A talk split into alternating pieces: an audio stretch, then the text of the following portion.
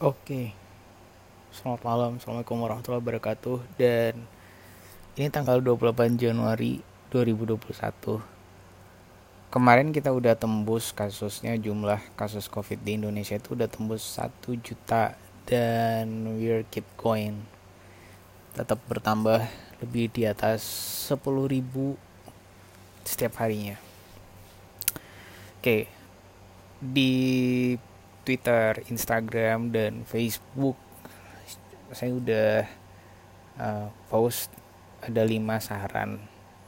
Lima saran kunci sebenarnya itu ada penjabarannya lagi. Nah penjabarannya itu saya bikinnya lewat uh, podcast.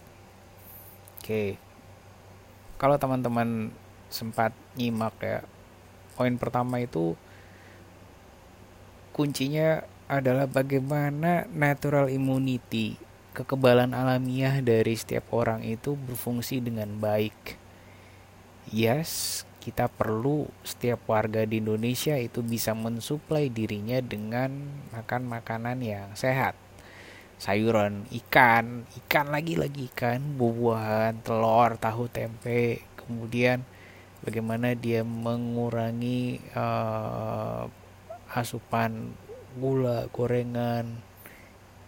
Itu penting. Tidak hanya secara per individu tapi kita coba jadikan itu jadi budaya baru. Dan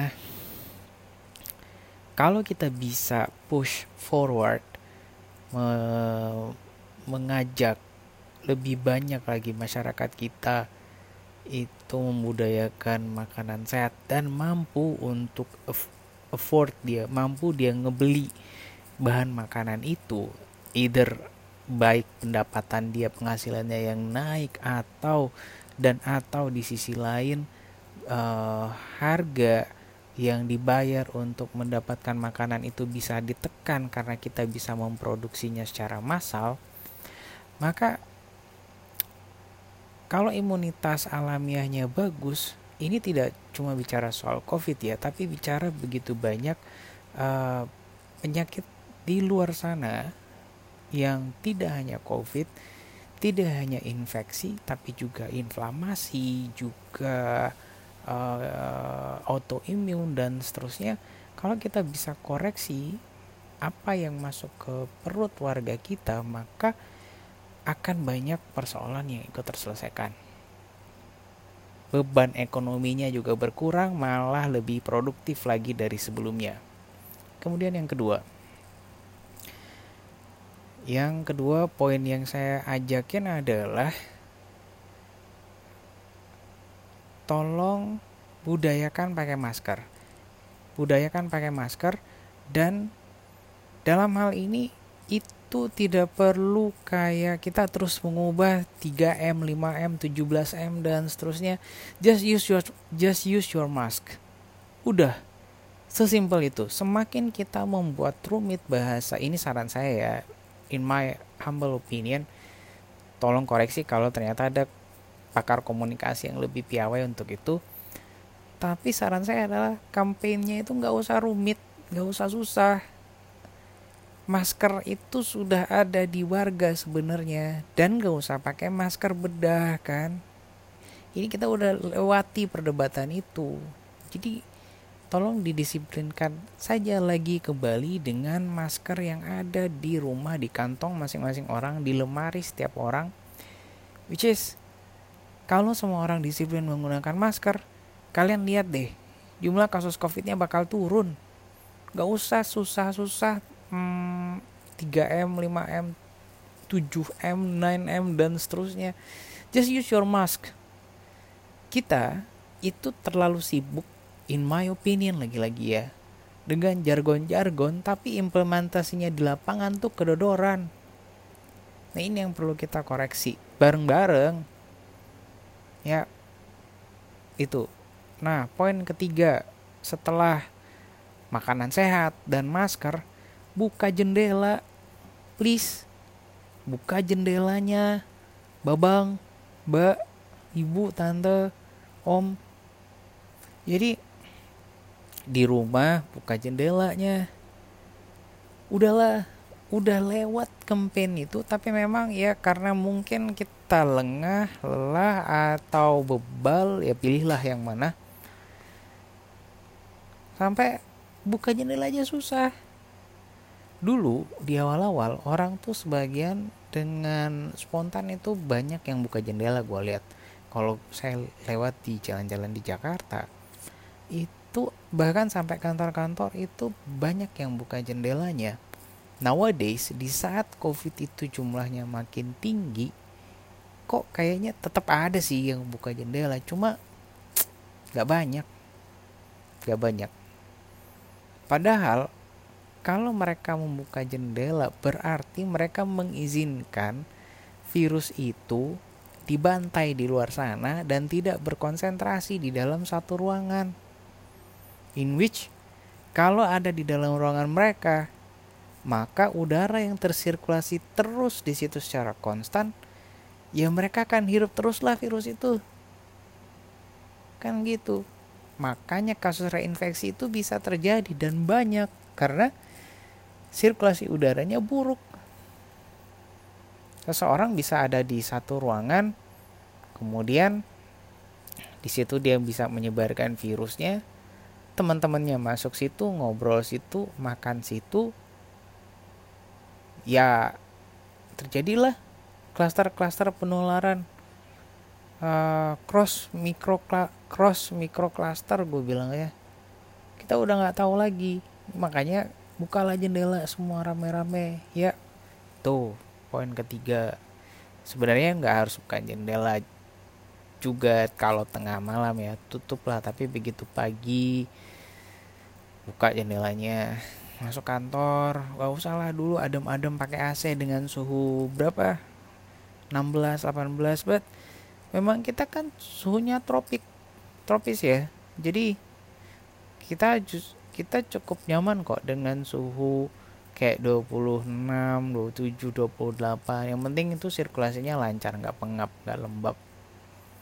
Nah poin keempat ini nggak bisa dikerjakan per individu.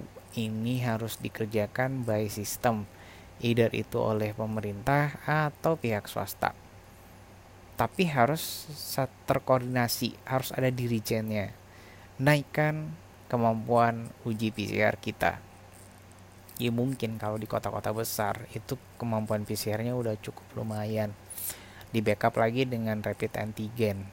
Ya lumayan lah.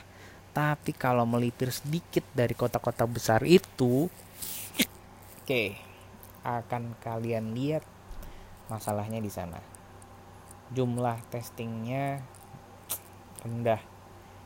Dan ini terjadi. Bisa dipahami bisa dipahami tapi jum testing kita harus dinaikin. Jadi hmm, kalau ini kan semacam adu kuat ya antara sistem kesehatan kita perbaikan sistem kesehatan kita melawan wabah. Wabahnya makin kenceng wabahnya makin menggurita makin ganas maka penguatan sistem kesehatan kita juga nggak bisa main-main ini nggak bisa enggak bidang kesehatan, sektor kesehatan itu harus jadi prioritas. Baik itu di pusat, baik itu yang ketok palu oleh DPR pusat, juga diajukan oleh teman-teman di berbagai kementerian, nggak bisa enggak. Memang isu priority health itu harus jadi prioritas. Campur-campur bahasa Inggris ya, nggak apa-apa lah. Nah, terus kita udah coba tingkatkan kemampuan PCR testing dan sebagainya. Juga tentu naikin kemampuan treatment. Itu itu perlu ya. Perlu karena memang kita harus menguatkan seluruh pilar kesehatan kita. Baik itu preventif dan promotif dengan kampanye gunakan masker kemudian perbaikan nutrisi, kemudian bagaimana perbaikan sirkulasi dan kualitas udara, tapi juga di sisi kuratif dan rehabilitasinya juga harus dinaikkan. Karena itu tadi udah ada lebih dari satu juta dan terus bertambah setiap hari orang-orang sakit. Sementara ini cerita COVID ini tidak hanya berakhir setelah seseorang dinyatakan negatif. Karena saya sudah banyak sekali melihat pasien-pasien COVID yang setelah dia dinyatakan sembuh atau dalam tanda petik dinyatakan negatif oleh uji PCR, tapi kapasitas fisik mereka tidak kembali seperti sebelum dia sakit. Dan ini perlu proses untuk memulihkan. Di sana ada ada potensi kita kehilangan bonus demografi kita. Kenapa saya bilang begitu? Karena orang-orang yang sakit, terutama yang usia muda, usia produktif, itu tidak seproduktif sebelumnya. Apa yang mereka mau kerjakan kalau sekarang mereka ngos-ngosan, mereka sesak napas. Kapasitas kognitifnya tidak sekuat, tidak secemerlang sebelum dia sakit. Dan ini banyak gitu. Nah poin kelima. Ini sebenarnya berkaitan sih udah udah merangkum ya. Meningkatkan kapasitas sistem kesehatan kita dari hulu sampai hilir. Mulai dari puskesmas rumah sakit tipe A B C D klinik utama klinik pratama sampai posyandu dan pustu. Semuanya mesti dianggap sebagai benteng-benteng pertahanan kita yes benteng pertahanan pertama itu ada di rumah masing-masing di tingkat rumah RT RW dan semua orang punya kontribusi punya kesempatan untuk memperbaiki keadaan. Semua orang bisa menjadi gak usah jadi hero deh. Minimal dia sama diri minimal dia dan keluarganya safe dulu. Udah. Karena kalau semua orang serentak melakukan itu maka secara kolektif kolegial wabah ini juga akan kita bisa selesaikan. If satu orang aman, 10 orang aman, dan terus dia menjadi 100 orang aman, 1000, 10 ribu, 1 juta, 10, 100 juta, one country, maka wabah selesai. Maka kita semua harus bekerja kolaborasi, pertebal benteng pertahanannya, mulai dari nutrisi, 3M eh, lah ya, ya udah saya nggak ikut 5M dan seterusnya. Tapi 3M aja dulu. Itu disiplinkan aja dulu tuh. Masker jaga jarak dan cuci tangan. Itu aja. Kemudian 3T ya itu dinaikin. Kemudian di sisi rumah sakitnya juga ya memang nggak bisa nggak. Pemerintah harus alokasi anggaran yang uh, fokusnya aktifkan seluruh sistem kesehatan kita Sistem kesehatan berarti bicara soal fasilitas kesehatan diperbaiki dan tenaga kesehatannya di-upgrade. Baik itu pengetahuannya, kemudian bagaimana sistem kerjanya. Yes, itu semua harus dikerjakan, harus diperbaiki dan kita nggak punya banyak waktu untuk um, misal menunggu ini lima tahun atau 10 tahun. Kita harus kejar perbaikan itu dalam satu tahun ini. Kalau kita serius untuk ingin di tahun 2022 kondisi Indonesia jauh lebih bagus daripada 2021 kecuali kalau kita kemudian uh, fokusnya lain bukan ke bidang kesehatan maka hasil yang kita petik tidak ya bisa saja ya ini prediksi bisa saja keliru bisa juga benar bisa kurang bisa lebih. Tapi prediksi saya adalah kalau kita berfokus ke perbaikan sistem kesehatan kita dari hulu sampai hilir dalam satu tahun ini, tidak hanya bicara soal vaksinasi saja ya, tapi bicara kesehatan secara keseluruhan, maka di akhir tahun 2021 dan di awal tahun 2022 kita akan lihat hasilnya kita akan petik wabah ini akan lebih bisa kita kendalikan. Banget bisa kita kendalikan.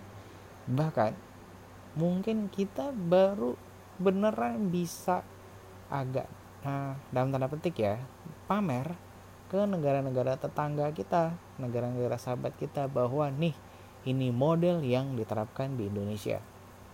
Di mana seluruh orang seluruh elemen seluruh stakeholdernya itu urun rembuk berjibaku mencoba menjaga diri masing-masing dan temennya dia, keluarganya, kerabatnya, sahabatnya, kenalannya itu untuk survive and win. Itu baru baru tuh. Dan memang kita harus fokus banget tahun ini. Tolong tidak usah bahas yang lain-lain dulu. Sekarang wabah covidnya lagi ngamuk. Maka kita sebisa mungkin nggak berpecah belah. Kita harus bersatu dan nyelesain ini bareng-bareng. Dalam satu tahun please satu tahun ini kita benar-benar fokus untuk perbaiki sistem kesehatan kita secara nasional. Satu. Dan bagaimana kita juga memperbaiki diri kita masing-masing individu kita masing-masing untuk stick to menerapkan pola hidup sehat yang persentasenya lebih banyak dibandingkan tahun-tahun sebelumnya. Nih, ini pesan saya terkait dengan saat tembusnya satu juta kasus COVID di Indonesia. Kalau kita tidak fokus, maka kita nggak akan heran dengan angka 10 ribu tiap hari. Dan kalau dibiarin setelah 300 hari ke depan kalikanlah 300 kali 10 ribu itu. 3 juta. Itu yang terdeteksi. Bagaimana yang tidak? Tapi kalau kita bisa rem tuh bareng-bareng maka kita juga yang akan memetik hasilnya. Gitu semoga pesan ini diterima dengan baik ya. Saya tidak mau menyinggung siapa pun, tapi ini lebih ke mengajak semua pihak untuk yuk kita bisa sehatkan Indonesia sama-sama. Masih bisa, masih sangat bisa. Dan itulah game changernya. Bukan satu elemen saja yang kita terus-terus agung-agungkan sebagai game changer. No. Dalam satu game seperti permainan bola. Tidak akan ada satu striker berhasil kalau dia nggak didukung oleh kiper yang bagus, back yang tangguh, midfielder yang lincah, nggak bisa. Nggak ada satu game changer. There's no silver bullet dalam wabah ini. Tolong, tolong jangan dibikin begitu short minded perspektifnya kita harus bikin ini menjadi wide and long deep dan juga smooth. Dan kita bisa lakukan itu. Indonesia orang-orangnya pintar-pintar kok. Yap. Dan baik-baik. Pinter baik. Dan kita kita coba tambahkan satu elemen lagi sehat-sehat. Coba apa yang kita inginkan lagi yang diperlukan oleh Indonesia. Kalau Sudahlah orang-orangnya pinter, orang-orangnya baik, orang-orangnya sehat. Well, itu adalah Indonesia maju yang kita dambakan bersama. Secara kolektif, kolegial, yang diidam-idamkan oleh para founding fathers dan founding mothersnya Indonesia. Itu pesan saya untuk teman-teman semua. Semua berkenan dan juga kita aminkan dalam doa. Terima kasih.